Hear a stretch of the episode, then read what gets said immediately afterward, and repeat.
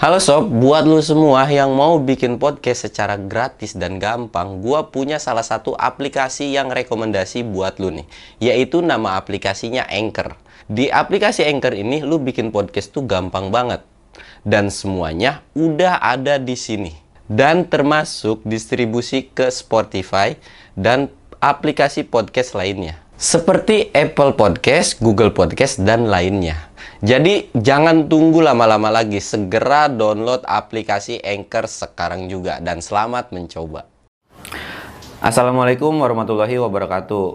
Kenalin nama gue Samsul nih.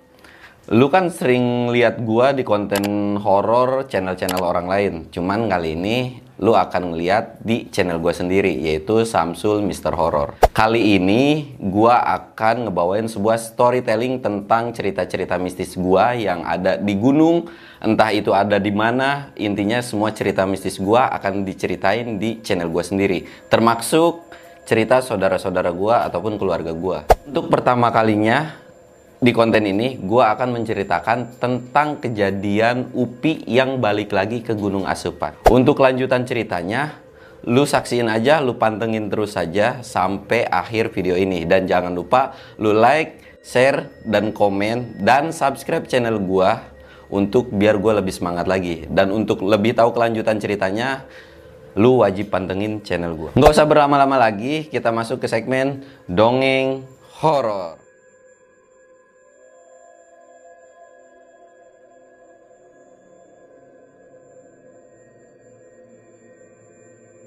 Mungkin dari lu semua kan udah pada tahu nih tentang pendakian Gunung Asupan itu kayak gimana. Setelah kejadian yang memang cukup mencekam pada saat itu, uh, setelah tiga hari dari kejadian dievakuasinya dua orang yang namanya Rizal dan Didi ini, Upi itu Upi sama gue itu sempet balik ke rumah lagi kan, uh, ke rumah bibi gue lebih tepatnya. Nah Cuman pada saat itu ada sesuatu hal yang beda dari Upi. Ya secara gue kan saudaranya, gue lebih tau lah uh, dibanding orang lain. Pada saat itu tuh Upi tuh kayak yang punya terbebani sesuatu. Gue juga nggak tahu ya terbebaninya itu dengan hal apa. Cuman yang gue tahu tuh, gue tahu banget karakter dia tuh kayak gimana. Memang pada saat itu tuh Upi nggak nunjukin kalau dia tuh kalau pas lagi ada beban tuh kayak sedih, murung, diem, diem, enggak Cuman kalau dia tuh orangnya ya udah biasa, cuman dia tipikal orang yang pemikir gitu. Karena memang rasa penasaran gua ke tentang terjadinya UPI pada saat di Gunung Asupan itu, gue cobalah nanya nih ke dia nih. Uh, kondisinya pada saat itu tuh kalau nggak salah siang ya, setelah zuhur lah kalau nggak salah. Jadi gue nanya ke Upi, Pi, lu kenapa? Dia bilang dia cuma ngangguk, nggak nggak apa-apa dia sambil mainin handphonenya tuh kan mainin handphone.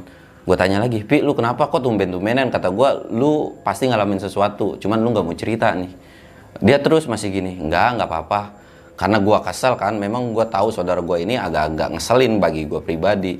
Gue tanya lagi lu kenapa sih? Ya elah gue bilang cerita aja apa nah akhirnya dari situ dia bilang gue ada beban nih. Waktu kemarin naik ke asupan kayaknya gue harus balik lagi deh. Gue langsung nyaut lagi dong lah, emang lu kebebanin apa? Itu, kata si Upi itu, soal kemarin pendakian yang ada di Gunung Asepan. Gue harus balik lagi karena bagi gue ini sesuatu hal yang memang harus gue balik lagi, kata dia tuh. Lah, itu kan ajakan setan. Masa lu mau nurutin setan? Kata gue tuh kan kayak gitu ke dia. Nah, Upi bilang lagi, bukan perkara masalah gue nurutin ke setan, tapi memang ada sesuatu hal yang harus gue kesono dan gue nggak bisa ceritain ini ke lu, dia bilang. Nah, kata gue kalau gue tuh tahu uh, Upi ini seorang yang bagi gue pribadi itu pemberani. Akhirnya ya udah kalau memang mau balik lagi, ayo gue temenin. Gue bilang kayak gitu ke Upi. Nggak bisa. Ini bukan ranahnya lu sama gue. Gue harus minta tolong sama bokap gue minimal. Uh, dari situ Upi pun ya udah deh. Gue akan coba nelpon bokap gue. Dia bilang. Pada saat itu juga dia mau nelpon bokap nih. Pas diambil HP dia nelpon bokap. Tiba-tiba apa? Pulsanya habis. Pulsanya habis. Dia bilang eh pulsa gua habis pinjam HP lu dong. Ya gue bilang lu mah ada-ada aja tiap apa pun pasti masalah pulsa tuh selalu minta ke gua. Akhirnya ya karena memang saudara gitu kan pulsa gua juga lumayan cukup banyak pada saat itu gua kasihin lah tuh. Ditelepon lah bokapnya Upi ini.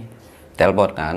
Ya Upi tuh nyeritain tentang kejadiannya sewaktu di Gunung Asupan.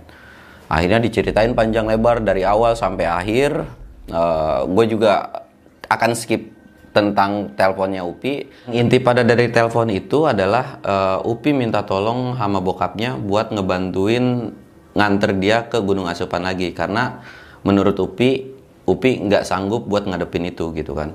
Akhirnya karena memang kondisi bokapnya Upi ini cukup tua dan cukup sepuh juga jadi untuk perjalanan jauh dia udah nggak mampu. Takutnya masuk angin katanya kan akhirnya bokapnya Upi itu nyuruh mamangnya yaitu adiknya Ua yaitu adiknya uh, bokapnya Upi ini nah diutuslah mamangnya buat nyamperin Upi ke Bibi yang ada di Banten. Setelah itu percakapan telepon pun ditutup. Dari situ gue sama Upi tuh ya udah ngerokok ngerokok lagi. Walaupun gue sempat ada rasa penasaran kayak nanya, emang apa sih apa sih gitu kan. Cuman ya gue tahu karakter Upi tuh nggak pernah mau cerita sesuatu hal yang kayak gitu ke gue karena dia tahu kapasitas gue untuk mencerna itu tuh kayaknya dijauh jauh banget lah nggak mungkin gitu kan. Uh, gue ngerokok ngopi ngerokok ngopi dan gue terus terus nanya sama dia apa sih apa sih gitu penasaran cuman Upi cuman bilang ya udah ntar lu juga tahu yang penting lu nanti ikut hah ikut lagi. Gue bilang kan masa harus ikut ke gunung asupan lagi? Gitu kan. Gue bilang kan udah ditemenin mamang nih. Ya udahlah gue nggak usah ikut. Gitu kan. Karena bagi gue pada saat tadi gue di awal gue nyeritain panik itu cuman speak speak aja gitu kan. Biar dia mau ceritain tentang pengalamannya waktu di gunung asupan itu. Sebenarnya gue tahu ceritanya itu apa, cuman yang lebih detailnya tuh gue nggak bener-bener nggak tahu dan nggak diceritain sama dia. Nah, setelah satu hari berlalu, akhirnya mamang gue tuh datang. Dan itu kondisinya kalau nggak salah pagi hari. Pagi hari mamang gue datang ke rumah bibi gue. Pas udah datang, mamang gue tuh ya ya pada umumnya ya kayak bertamu gitu dan kita juga sempat ngopi dan ngobrol dan lain-lain dari situ mamang gue nggak banyak tanya lagi walaupun mungkin mamang gue udah diceritain sama bokapnya Upi mamang gue tuh sempat nanya lagi ke Upi nih memang kejadiannya apa? Dan kenapa harus kenapa? Pokoknya intinya pertanyaan mamang gue tuh detail banget sampai-sampai Upi minta tolong sama bokap atau mamangnya ini. Dari situ karena memang kesempatan akhirnya gue mendengarkan lah. Lalu diceritain lah mulai dari awal lagi sampai akhir lagi. Dan kenapa alasannya Upi harus balik ke sana lagi? Secara mungkin kalau misalkan Upi nggak balik lagi pun itu kata Upi sendiri dia nggak akan terjadi kenapa-napa. Cuman takut kalau misalkan next dia punya keturunan dan dia punya anak atau keluarganya naik ke Gunung Asepan lagi itu akan berakibat fatal bahkan bisa sampai mengakibatkan kematian. Nah dari situ pun gue mulai paham dan mulai ya percaya dengan omongan Upi. Walaupun gue juga kayak ah masa sih bisa kayak gitu? Kayak di jiwa di jiwa gue ini tuh meronta-ronta ah gue pengen solo kali ke sono pengen ngebuktiin omongan Upi itu. Cuman dalam hati gue ngomong kayak gitu tiba-tiba Upi dan mamang gue ini tiba-tiba kayak nengok gitu. Set nengok. Kayak seolah tahu uh, apa yang gue omongin di dalam hati gue gue cuma nunduk. Dan pas gue udah nunduk gue ambil ini lagi gue cuma senyum doang. Hehe ya udah iya. Karena gue tahu uh, dua orang ini bagi gue mungkin nggak dibilang sakti sih. Ya karena mereka tuh tahu karak karakter gue sendiri. Jadi kalau gue kayak pengen sesuatu tuh mereka kayak tahu. Singkat cerita akhirnya pada saat itu juga mungkin sekitar jam 4 sore gue jalan langsung ke daerah desa Sikulan yaitu desa di mana tempat atau saat ini tuh jadi base campnya Gunung Asepan. Kondisi gue pada saat itu tuh gue diantar sama salah satu kenalan bibi gue menggunakan mobil. Nah pas berangkat ke sana, pas berangkat ke sana, uh, tiba-tiba perut gue tuh kayak mules, kayak mules. Nah dalam perjalanan itu sebenarnya gue dalam hati gue tuh gue nggak pengen ikut karena kalau gue ikut, gue masih ada trauma di Gunung Asupan itu. Karena kan kejadiannya tuh baru beberapa hari gitu kan. Dan tiba-tiba sekarang gue harus balik lagi ke Gunung Asupan. Dan itu bagi gue sih trauma banget sih. Karena gue ngelihat korban-korbannya itu depan mata gue sendiri. Bahkan dievakuasinya pun di depan mata gue sendiri. Dalam hati gue cuman ngomong, ya elah gue nggak mau ikut nggak gue nggak mau ikut gitu kan cuman gue tahu ketika gue nolak itu pasti akan dipelototin sama saudara-saudara gue akhirnya mau nggak mau ya udah gue berharap sih ada sesuatu kejadian yang nggak bisa gue bikin nggak ikut. Dan anehnya ketika gue bilang kayak gitu perut gue tiba-tiba sakit dalam perjalanan ke sana tuh dalam mobil. Nggak tahu kayak mules aja.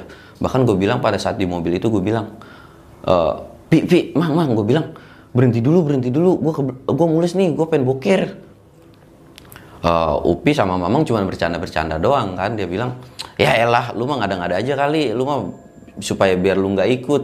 Gue bilang beneran gue mules nih gue mules. Udah udah. Lanjut aja lanjut aja katanya. Lanjut kan. Gue bilang aduh ya Allah gue bilang ini udah di ujung banget pengen boker sampai akhirnya gue ngeluarin ya kentut lah di mobil itu kan. Baru dari situ mereka tuh percaya. Wah iya nih bener nih oh nih beneran mulus akhirnya gue minggir dulu tuh. Minggir dulu dan gue langsung boker tuh di situ kan ya walaupun gue boker tuh bukan kayak di WC ya tapi kayak di semak-semak gitu kan akhirnya gue boker pas sudah boker gue sempat mikir ini tuh antara gue seneng atau gue harus sedih di sisi lain kalau seneng, gue bisa aja nggak ikut pendakian atau gue harus naik ke Gunung Asupan lagi. Tapi di sisi lain, perut gue ini bener-bener sakit, merilit banget. Lebih-lebih dari kayak orang sakit perut biasanya lah gitu kan. Ya akhirnya setelah boker itu gue masuk mobil dengan keadaan kondisi merilit. Uh, dalam keadaan kondisi sakit perut gitu kan.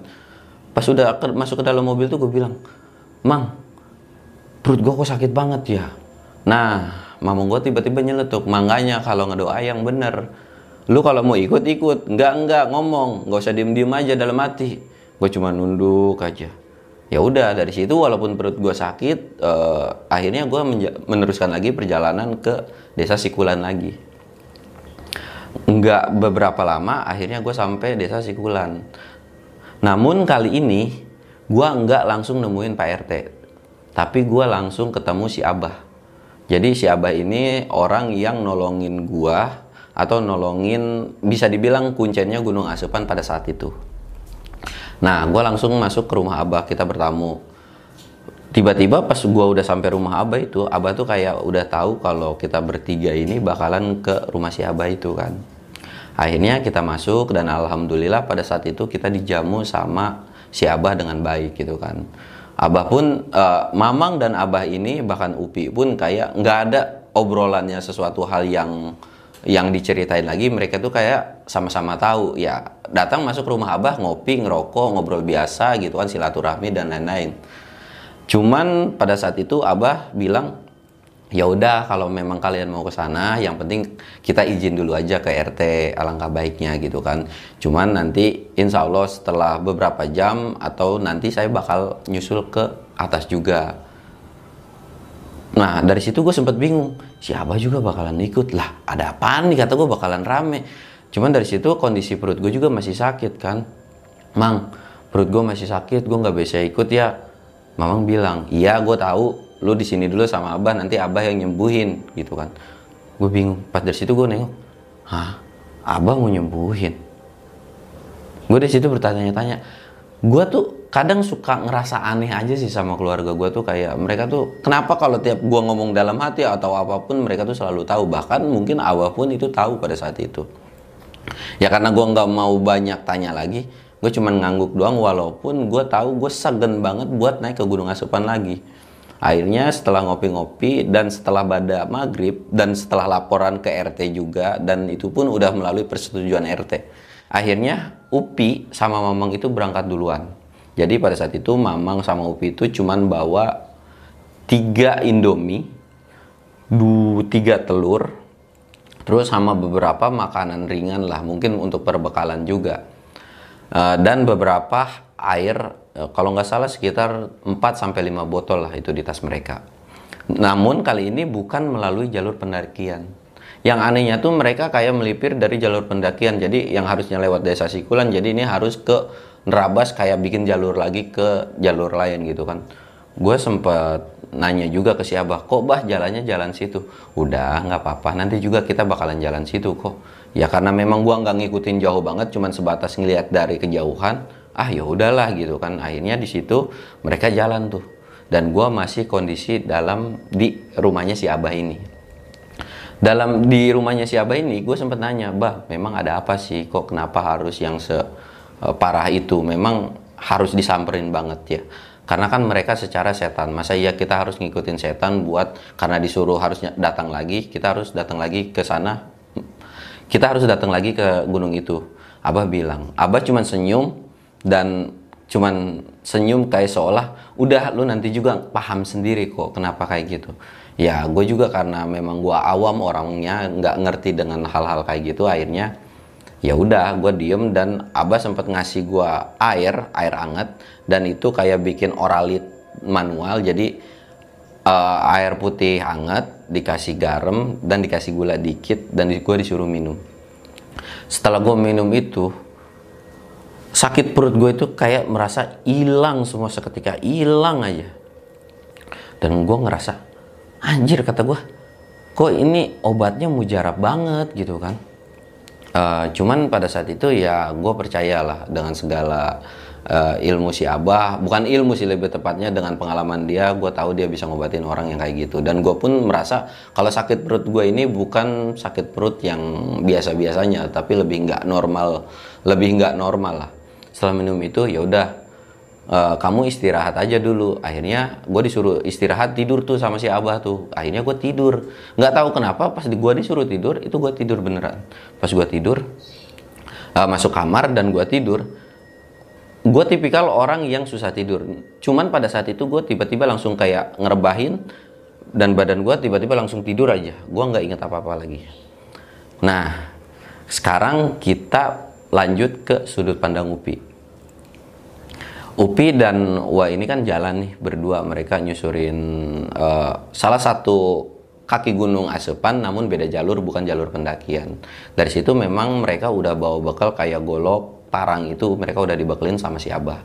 Akhirnya mereka buka jalur ke salah satu jalur ya walaupun Upi sempat bertanya dan Upi pun jujur pada saat itu dia nggak tahu nggak tahu tentang uh, kenapa harus melalui jalur ini Cuman kata Mamang nggak apa-apa, kita jalur sini aja. Karena kalau misalkan jalur pendakian, takutnya kita ketemu warga atau mungkin ada seorang pendaki yang lagi ngedaki, malah kita bikin uh, kasihan atau bikin takut si pendaki itu. Akhirnya kenapa alasannya melipir jalan situ?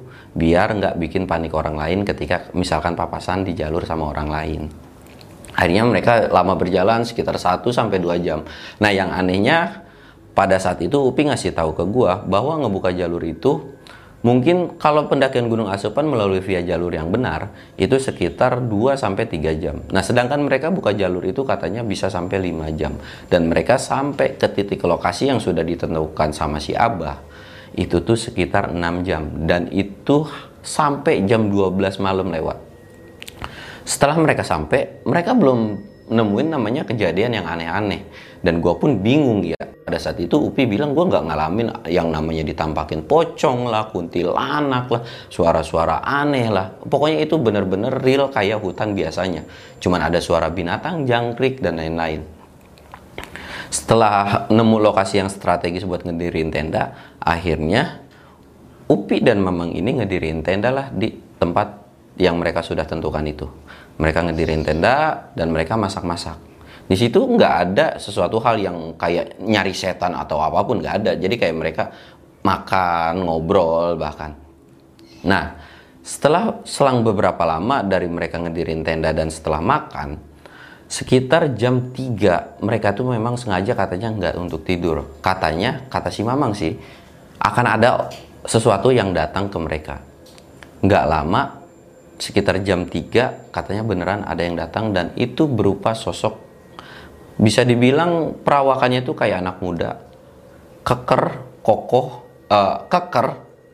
Pokoknya uh, badannya tuh atletis banget. Dan kondisinya tuh dia memakai celana celana komprang uh, kayak uh, ikat tali pinggang dari kain dan ininya pakai kayak bukan sorban atau selendang ya. Jadi pokoknya kayak baju setengah badan kayak gini aja.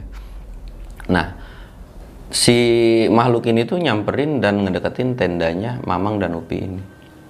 Dan itu kata si Mamang itu, kata Mamang dan Upi itu, mereka kayak uh, si sosok ini tuh uh, ngucapin salam. Assalamualaikum. Mamang dan Upi ya karena memang ada yang ngucap salam, mereka pun refleks bilang Waalaikumsalam.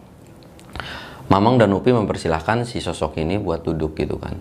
Nah, namun kali ini uh, seperti hal yang biasanya, Mamang dan Upi tuh nggak ngobrol katanya. Mereka tuh kayak ya udah diem-dieman aja.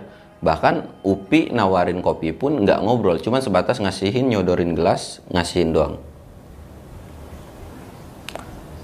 Sekitar 5 sampai 10 menit sosok itu uh, datang uh, duduk bareng sama Upi dan Mamang, sosok itu tiba-tiba pergi lagi.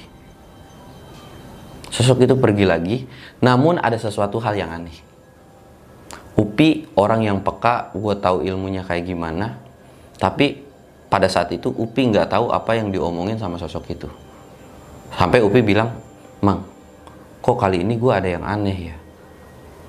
Aneh kenapa? Kok dia diem ya bener diem?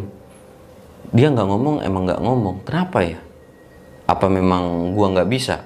Kata Mamang, udah nggak apa-apa, santai aja kata Mamang.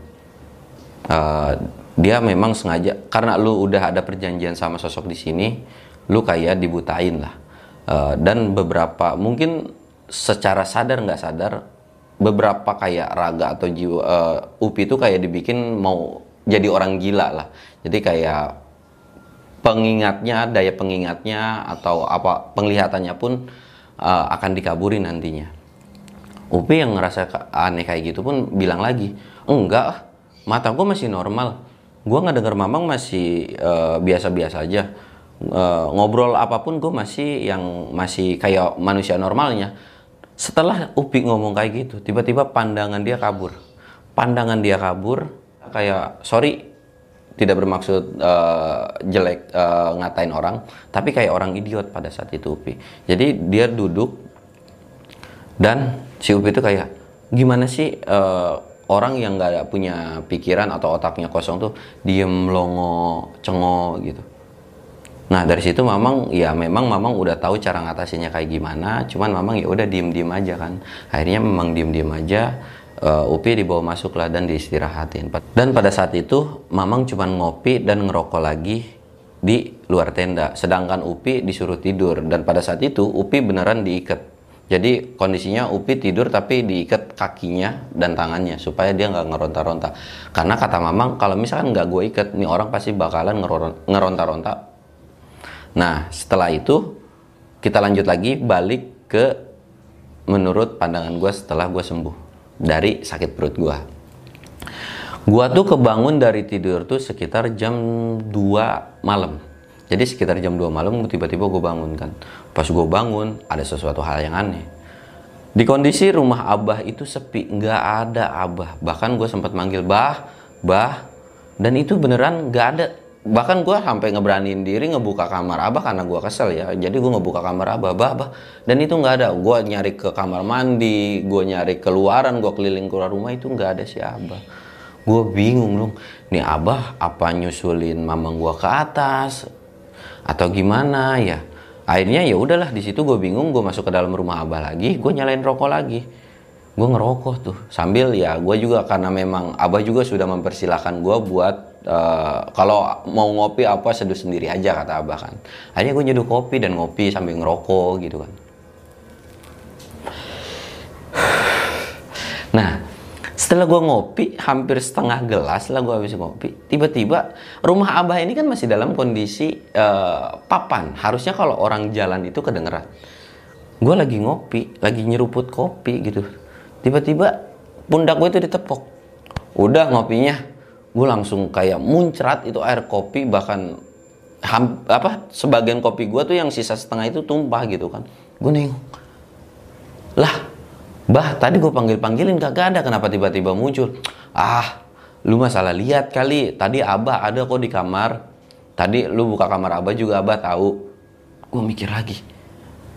Bah nggak usah ngada-ngada. Gue beneran masuk ke kamar dan kondisi kamar abah itu beneran terang jadi nggak mungkin kalau gua nggak ngeliat abah. Ada kok mungkin uh, lu salah lihat aja. Ya karena gua nggak mau banyak ngomong lagi akhirnya ya udahlah gua uh, ngopi lagi. Uh, akhirnya gua ngerokok lagi. Nah dari situ abah bilang yaudah yuk kita susulin saudara-saudara kamu. Gue bilang bah gue nggak bisa nunggu aja apa di sini.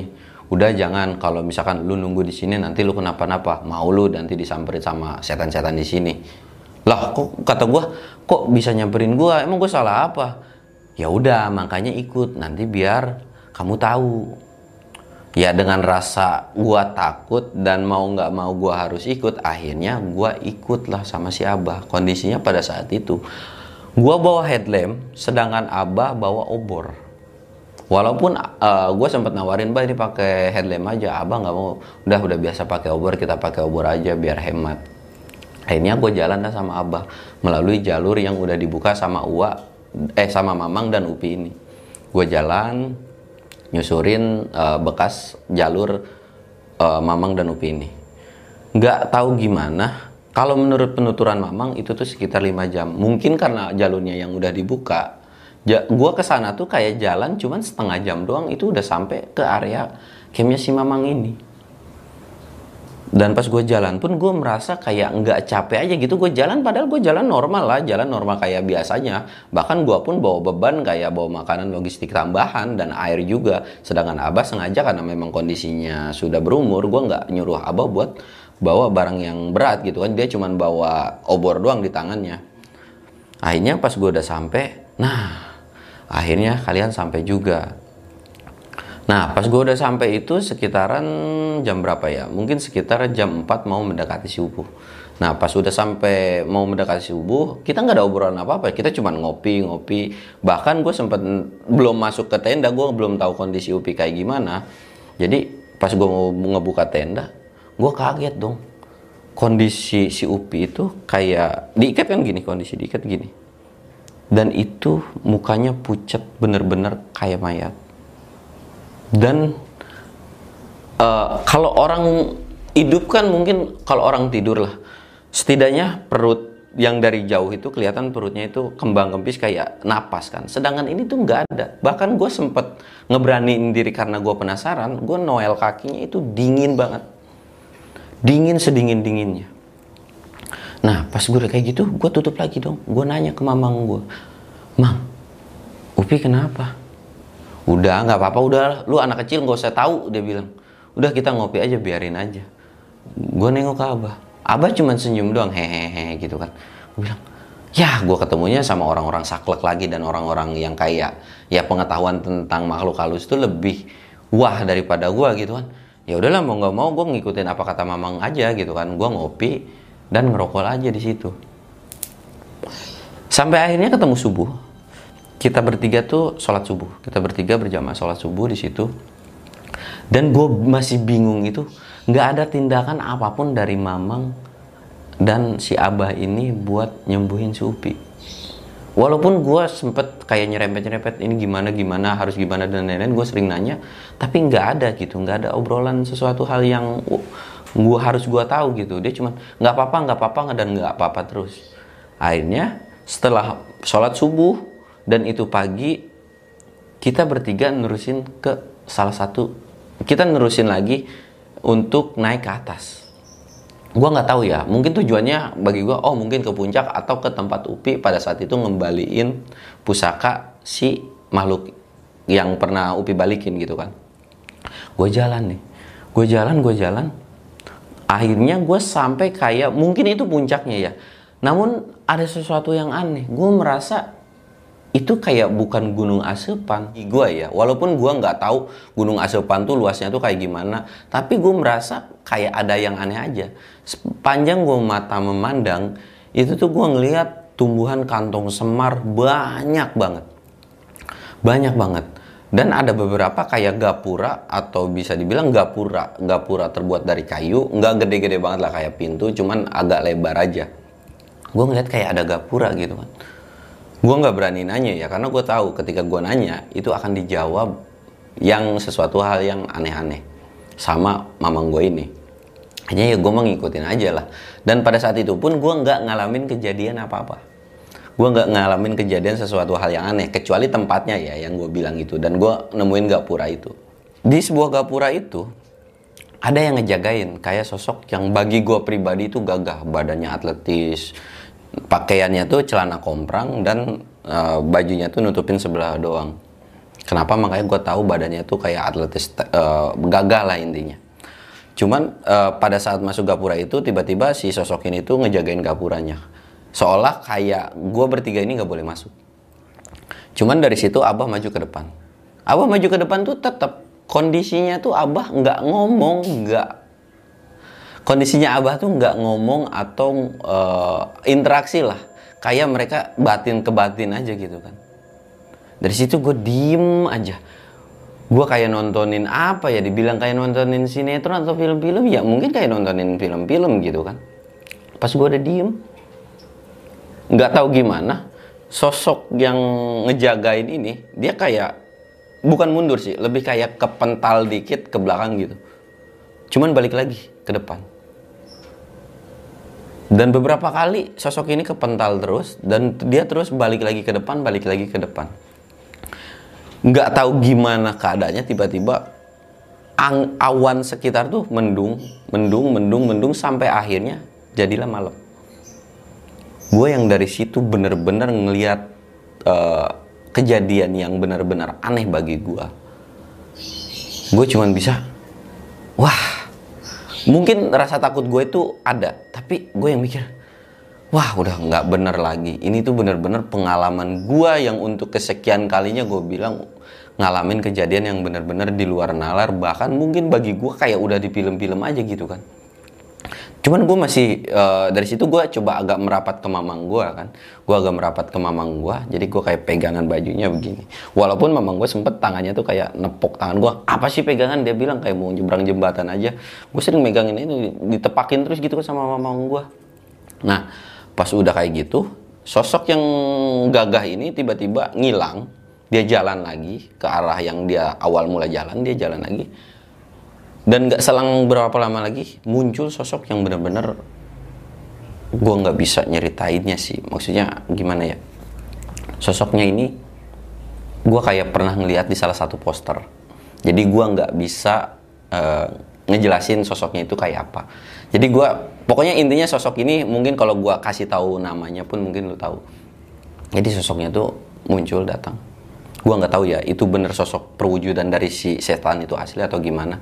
Jadi pas udah datang dia langsung uh, kayak mau nonjok si Abah, kayak mau nonjok si Abah. Cuman si Abah nangkis. Pas udah si Abah nangkis, uh, Abah bisa-bisa sebisa mungkin dia baca doa, dia baca doa, dan sosok itu kayak ngerasa kepanasan dan sosok itu berubah kayak bentuk uh, bola api tiba-tiba pecah aja gitu kayak uh, gelas di gelas kayak pecah pecah aja itu uh, si bola apinya dan dari situ suasana yang tadinya benar-benar malam gelap gulita kayak ada uh, kondisinya kayak terang bulan. Jadi kayak mulai ini lagi lah, kayak mulai terang lagi. Tetapi kondisinya pada saat itu masih malam juga kan. Gue bertiga jalan lagi nih. Jalan dan sampai akhirnya gue nemu sebuah pohon. Gue nemu sebuah pohon yang cukup gede. Uh, bisa dibilang itu tuh pohon kiara. Pohon kiara itu kan lu tau sendiri lah bentuknya kayak gimana dan uh, pohon itu tuh bisa gede banget. Gue uh, mamang Mamang sama si Abah ini cuma duduk. Dia sambil baca doa dan zikir, sedangkan gue pelengap-pelengok. Mang, gue ngapain di sini? Udah, duduk aja. Ikutin aja, bantuin zikir katanya. Ya karena gue nggak tahu ngapa-ngapain juga dan gue nggak mau jauh-jauh dari mereka berdua ini, akhirnya gue coba zikir lah. Nah, pas udah zikir, uh, Mamang ini sama Abah bilang, lu merem, lu merem ya mata lu. Ya jujur pada saat gue disuruh merem gue nggak mau merem. Kenapa? Karena gue takut ditinggal. Jadi uh, kondisinya tuh gue zikir kan ya ikut duduk sila. Gue suruh merem tapi mata gue tuh mata kayak sebelah begini mata ayam-ayaman lah kayak ngeliatin. Bahkan gue megangin baju salah satu dari mereka gitu kan gue megangin gitu. Bahkan ya yang gue bikin kesel tuh mamang tuh selalu nepokin tangan gue udah jangan pegangan udah jangan pegangan gitu kan. Ya bodoh amat gitu walaupun gue digeplakin berapa kali ya karena kesel mungkin mamang gue akhirnya ya udah gue pegangan cuman gue kondisi meremnya kayak setengah kelihatan lah. Pas gue udah merem kayak hampir 5 hampir 10 menit tiba-tiba di pohon itu kayak ngedenger suara teriakan kesakitan tolong tolong sakit sakit gitu kan. Gue langsung ngebuka mata dong refleks dan pas gue ngebuka mata nggak tahu gimana di depan itu ada Upi. Di depan itu ada Upi kondisi si Upi lagi dipukulin. Jadi dipukulinnya kayak dipukulin uh, bahunya ini. Dipukulin bahunya ini sama salah satu sosok uh, sosoknya itu nggak terlalu jelas ya. Karena kondisi pada saat itu kan gue jalan ke atas itu kan siang. Dan kita bertiga tuh nggak prepare yang namanya pencahayaan. Jadi uh, kelihatan samar-samar kenapa itu Upi? Karena pada saat itu Upi pakai baju yang gue kenalin. Jadi kayak baju putih kayak gini. Cuman ada kayak corakannya gitu tapi kelihatan. Bilang itu Upi kali ya? Itu Upi kali ya? Gue coba ngebangunin mama sama abah. Bah bah bang. Gue bilang itu Upi lagi digebukin itu Upi lagi digebukin abah sama mama ini diem aja. Gue juga bingung ya antara gue mau nolongin tapi gue juga uh, takut. Tapi kalau nggak ditolongin juga kasihan karena kondisinya abah dan mamang ini duduk sila sambil zikir dan gue panggil panggilin pun uh, diem aja. Gue nunggu sampai 10 menit sampai 15 menit karena gue memang kasihan sama saudara gue ini. Ya mungkin kalau lu pribadi pun kalau ngelihat orang disiksa di depan mata lu nggak mungkin kalau lu nggak punya rasa kasihan gitu kan. Ya bodoh amat lah gitu. Akhirnya gue ngeberaniin lari ke si Upi ini. Sambil gue tuh kayak bawa sebongkah batu lah gitu kan. Sebongkah batu kalau misalkan ini pun ya gue hantem aja tuh yang ngegebukin si Upi itu kan. Walaupun pada saat itu pikiran gue nggak normal ya mungkin aja itu kan setan atau demit ya nggak mungkin juga gue timbul pakai batu itu bisa pas gue terus lari semakin gue semakin gue lari ke ke sosoknya si Upi ini itu semakin kayak ngejauh aja. Jadi gue lari sekencang apa pun sosoknya Upi itu uh, kayak terus makin jauh makin jauh makin jauh. Sampai akhirnya gue baru ngeh. Gue lari gue lari gue lari. Gue nengok ke Upi ini jauh sedangkan gue nengok ke belakang pun itu jauh. Jadi kayak gue di tengah-tengah nih. Gue dari situ baru sadar ya bener nih gue dia bakalan kenapa-napa gitu kan. Dari situ udah gue duduk lagi nih duduk. Dan pas ketika gue duduk dari kiri kanan gue mulai datang berdatangan sosok-sosok yang aneh. Ya mulai dari kayak pocong kuntilanak genderuwo dan lain-lain itu datang. Dan yang paling ngeselin tuh uh, sosok yang pernah gue ketemu di batu asahan gunung Asepan itu. Jadi sosok yang benar-benar serem kayak kuntilanak yang badan uh, dalamannya itu nggak ada. Dan pada saat itu benar-benar kayak bercucuran darah. Itu datang ngedeketin gua. Bahkan sampai hampir mau deket muka gua banget. Si organ ini ya karena kondisi gua duduk gue cuma bisa merem tapi mata gue nggak bisa merem. Jadi kayak pas gue disuruh merem tuh sama abah sama mama kan? Kondisi gue nggak bisa merem jadi kayak tetap aja gue merem tuh kelihatan sedikit. Dari situ gue udah nggak bisa ngapa-ngapain lagi. Gue nangis ya pada saat itu gue beneran nangis. Jadi gue kayak minta tolong yang harusnya gue nolongin saudara gue justru gue minta tolong. Karena bau anjir dan bau amisnya tuh parah banget. Sampai kayak mau muntah cuman nggak bisa dimuntahin juga. Dan kondisi gue duduk pun pengen lari lagi pun itu nggak bisa. Dari situ gue cuman bisa merem uh, merem pun kayak kelihatan sedikit. Gue cuman bisa minta tolong minta tolong dan sesekali gue pun doa gitu. Cuman ya sosok ini tuh nggak nggak nggak hilang hilang sampai akhirnya ada yang nepuk bahu gue udah bangun udah sosoknya hilang. Pas gue nengok ke belakang ternyata itu uh, mamang gue dan pas gue nengok lagi ke depan itu sosoknya hilang. Nah dan pada saat itu ketika gue ngeliat pun tiba-tiba uh, dari depan itu ada upi hama abah lagi di papa. Gue sempet aneh dong. Lah ini kenapa? Kok tiba-tiba udah ada upi aja? Gue ngelewatin kejadian apa? Gitu kan Nah pas sudah kayak gitu karena gua nggak banyak tanya juga akhirnya uh, kata mamang lu bantuin Upi buat uh, kalau lu badan karena memang kondisinya badan Upi itu agak kecil ya akhirnya gua disuruh buat ngegendong Upi. Akhirnya gua ngegendong Upi tuh. Gue gendong sampai ke area tenda. Nah cuman sebelum ke area tenda ini sempat ketemu gapura lagi dan setelah ngelewatin gapura itu gue bener-bener berada di puncak gunung Asepan. Dari situ gue kayak mikir gue tadi ke mana ya? Ya gue juga nggak tahu gitu kan. Jadi ya udahlah bodo amat gitu. Yang penting gue udah nolongin saudara gue gitu kan. Pas gue udah gue jalan turun sama Upi sama Mamang dan Abah gue jalan turun ke arah tenda lagi. Pas udah sampai masuk ke dalam tenda mamang gue sempat ngebuka baju ngebuka celana kayak ngeganti nah akhirnya setelah sampai tenda dan setelah diganti baju Upi uh, gue ngeliat sebuah tanda kayak bekas pukulan di punggungnya Upi itu. Nah, setelah gue ngeliat tuh ya gue juga mau nanya-nanya juga kan karena pada saat kondisi itu kan nggak mungkin juga. Jadi akhirnya ya udah gue gue diem-diem aja gitu. Kayak seolah-olah gue pribadi pun tahu apa yang dialami Upi. Nah, setelah itu Abah bilang, ya udah mulai saat ini tolong bilangin ke Upi jangan ngelakuin perjanjian lagi sama uh, sosok makhluk gaib, terutama yang dibilang Abah tuh sosok penunggu si Gunung Asupan ini bisa dibilang sosok yang paling ditakutin di Gunung Asupan itu.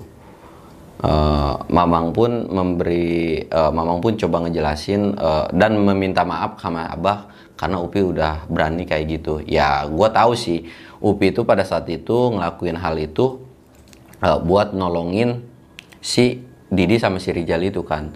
Cuman menurut Abah, menurut si Abah ini ada sesuatu hal yang diumpetin Upi. Bisa dibilang Upi itu benar-benar murka, benar-benar marah. Jadi kayak lu ngadepin sosok ini tapi emosi lu tuh kepancing. Jadi kayak lu udah takabur lah kalau lu merasa diri lu bisa ngadepin ini. Nah kesalahan Upi itu yang Abah jelasin tuh ya kayak gitu. Upi itu sempet tak kabur jadi kayak ah gue mah bisa lah gue udah biasa ngadepin setan. Nah pada saat itu ya terjadilah kayak gitu karena sifat uh, ke berlebihannya Upi. Nah singkat cerita akhirnya gue pun turun ke rumah Abah dan dari situ pun Upi belum yang kayak sadar sadar pun uh, masih yang kalau untuk matanya melek itu Upi udah sadar kan udah sadar Nah, setelah udah sadar itu sempet gua nginep dua hari di rumah abah karena kondisi Upi itu bener-bener kayak orang bego. Diajak ngomong gak bisa, diajak mau uh, minum pun itu kayak harus dia kondisi tidur jadi uh, kayak orang nggak bisa ngapa-ngapain lah. Jadi kayak harus ditetesin bahkan cuman asupannya tuh cuman minuman kayak susu aja gitu ditetesin ditetesin. Setelah dua hari akhirnya Upi kayak mulai bisa ngomong dan lain-lain gitu kan pas sudah ngomong Upi nangis ke depan si Abah dan minta maaf. Upi bener nangis sejadi-jadinya, bahkan dia nangis ke si Mamang juga dan minta maaf. Bahkan ke gua pun yang gua nggak tahu apa-apa ya, dia sempet nangis dan minta maaf ke gue juga. Padahal dalam hati gua, lah lu ngapain minta maaf kan lu nggak salah juga dan bagi gua lu udah nolongin dua orang ya namanya manusia ada hilapnya gitu kan jadi apa ya pun yang lu lakuin bagi gua ya udah nggak apa-apa lah itu hal yang normal dan wajar Nah dari situ Upi pun nyeritain lah bahwa setelah dia udah sampai tenda, uh, badan dia tuh kayak jadi kayak Upi tuh sadar kalau ada sosok yang nyamperin kan, kayak ngopi dan setelah udah ngopi kan sosok itu tuh pergi. Nah nggak tahu gimana Upi tuh kayak ngerasa palanya tuh kayak kayak gimana ya, gue juga bingung cara ngejelasinnya. Jadi kayak di tarik palanya, kayak ditarik di jambak gitu dan Upi langsung ngikut aja gitu ke tempat si sosok ini gitu dan itu pas udah sampai sana langsung diikat dan dipukulin terus. Gitu. Nah setelah kejadian itu akhirnya uh, udah beberapa hari di Abah juga gua Mamang dan Upi itu akhirnya pulanglah ke rumah bibi lagi yang di daerah Banten itu. Akhirnya pas udah pulang banyak tuh dari situ ramahan. Baru kali itu gue ngeliat mamang gua ngomelin si Upi. Bahkan gua sendiri pun jujur gua ketawa ya secara kalau misalkan antara saudara gua gua itu paling orang yang sering diomelin karena kelakuan gua sendiri ya. Jadi pas itu Upi benar-benar diomelin habis-habisan karena ya jujur pada saat itu pun Upi nggak nggak yang cerita full ternyata. Dan Mamang pun baru sadar kenapa Upi sampai bisa segitunya gitu kan digangguinnya. Bahkan sosok itu pun bisa murka banget sama Upi. Ya cuman karena Upi orangnya sadar diri atas kesalahannya ya Upi pun minta maaf bahkan langsung nelpon uh, bokapnya dan itu pun minta maaf nah setelah kejadian itu akhirnya Mamang pun dan Mamang uh, terus gua dan Upi akhirnya gue balik ke Sukabumi. Mungkin sekian aja kali ya cerita dari gua tentang pengalaman Upi balik lagi ke Gunung Asupan. Nah, buat kalian yang masih mau dengerin cerita gua jangan lupa subscribe channel gua biar gua lebih semangat bikin video lagi. Gua Samsul, Mr. Horror, undur diri. Assalamualaikum warahmatullahi wabarakatuh.